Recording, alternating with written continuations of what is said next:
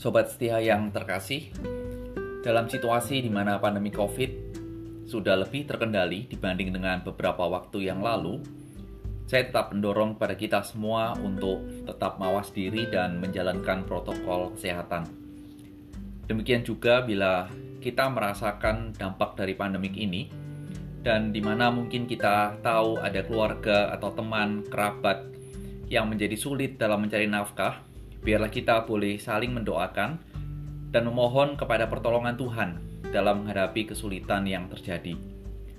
Dan secara khusus saat ini saya mengajak kita untuk mendoakan mahasiswa FON ITP 2018. Kiranya Tuhan menolong mereka semua dalam menjalankan lab dan juga klinik. Di dalam episode yang ke-50, kita akan kembali belajar bersama-sama dari kelanjutan Injil Lukas pasal yang ke-12 ayat 13 sampai dengan ayat yang ke-21. Dan saya memberikan judul Aku bodoh atau bijaksana.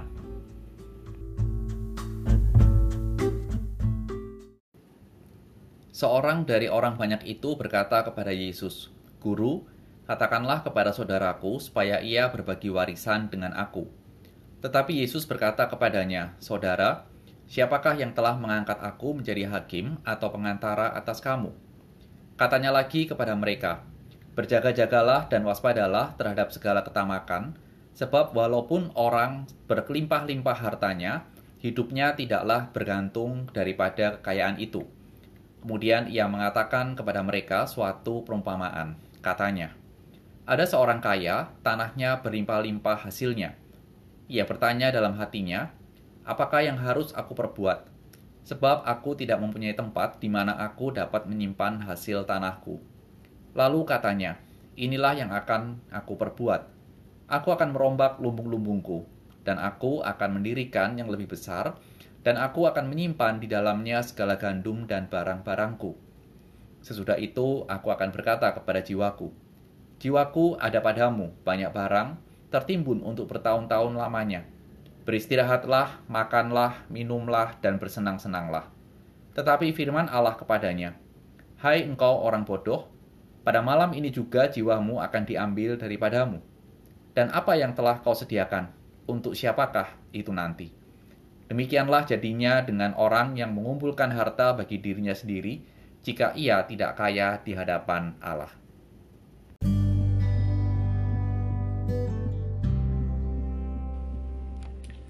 Mari kita berdoa.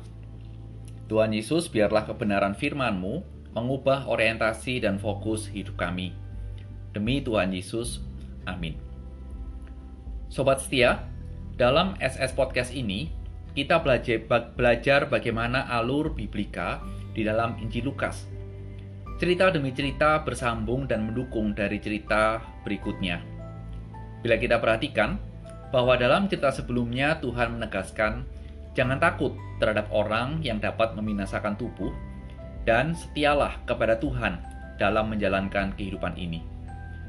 Dengan pengajaran seperti itu, secara logika seharusnya orang yang muncul di ayat 13 mengerti bahwa yang paling penting dalam kehidupan ini adalah setia mengikut Tuhan dan bukan yang lain. Namun entah apa yang membuat dia tiba-tiba muncul dari ribuan orang itu menemui Tuhan dan menyampaikan masalahnya bahwa saudaranya tidak mau berbagi harta warisan. Sobat setia yang dikasih Tuhan, penyampaian masalah ini memberikan suatu indikasi kepada kita semua bahwa manusia berdosa kalau bisa tidak berbagi harta, mengapa harus berbagi?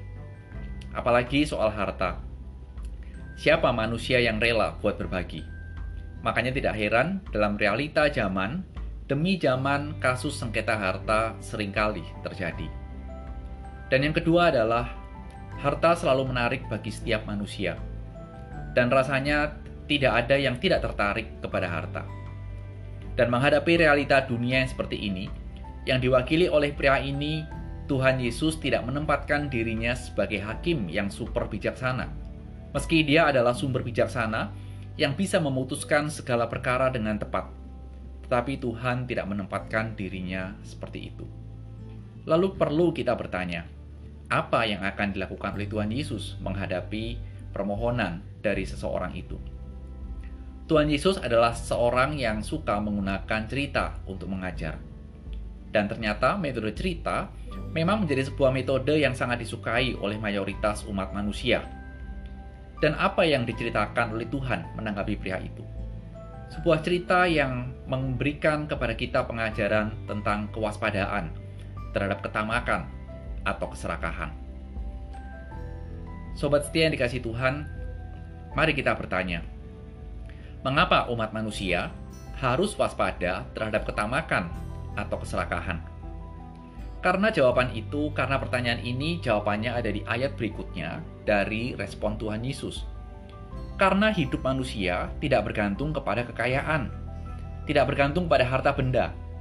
Meski ada banyak orang yang merasa hidupnya hancur atau minder karena tidak memiliki harta sebanyak orang lain tetapi hal ini tegaskan hidup tidak bergantung kepada harta.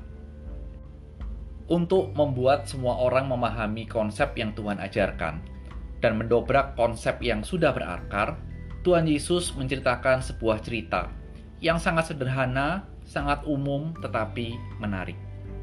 Diceritakan bahwa ada seorang yang kaya. Orang itu sudah kaya, memiliki hasil tanah yang berlimpah-limpah. Dan dikatakan dalam cerita itu sampai tempat penyimpanannya, hasil tanahnya itu tidak cukup. Dan karena tidak cukup, maka secara pemikiran sederhana, bila bisnis berkembang, seperti itu maka tempat penyimpanan harus dibuat lebih besar. Dengan tujuan apa? Menyimpan lebih banyak lagi. Bisa, bisa menampung lebih banyak barang lagi. Sebuah pemikiran dan solusi yang terkesan sangat bijaksana.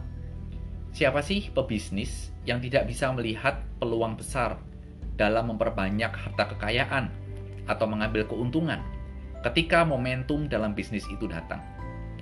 Dan ketika semuanya berjalan seperti yang direncanakan, banyak orang mengira bahwa mereka dapat juga berkata kepada jiwa mereka, "Hei jiwaku, hiduplah dengan tenang."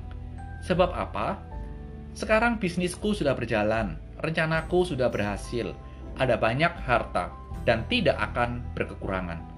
Sudah cukup adanya harta, uang untuk makan. Berapa lama?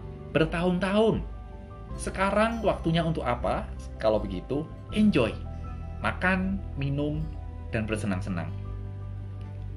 Sobat setia yang dikasih Tuhan, bukankah kalau hidup seperti itu menjadi mimpi dari banyak orang? dan berapa banyak orang yang hidupnya menuju ke sana. Coba periksa, kita kuliah untuk apa?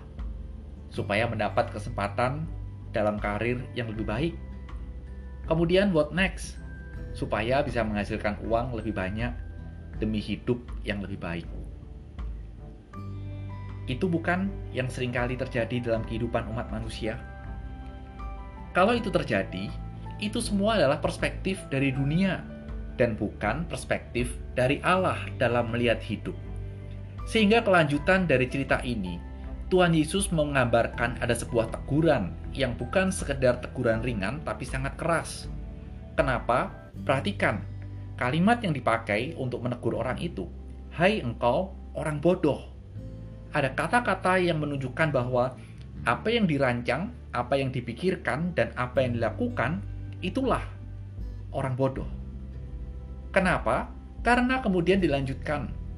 Dalam kalimat itu dikatakan, sekarang juga jiwamu diambil daripadamu. Mati. Sehingga, untuk siapakah harta benda yang berlimpah ruah itu? Seakan-akan Tuhan bilang, sobat setia, semua orang akan mati, dan harta bendamu tidak bisa menghindarkan engkau dari kematian. Dan dalam kematian, engkau tidak bisa membawa harta bendamu, akan terpisah selamanya dengan harta kekayaan itu.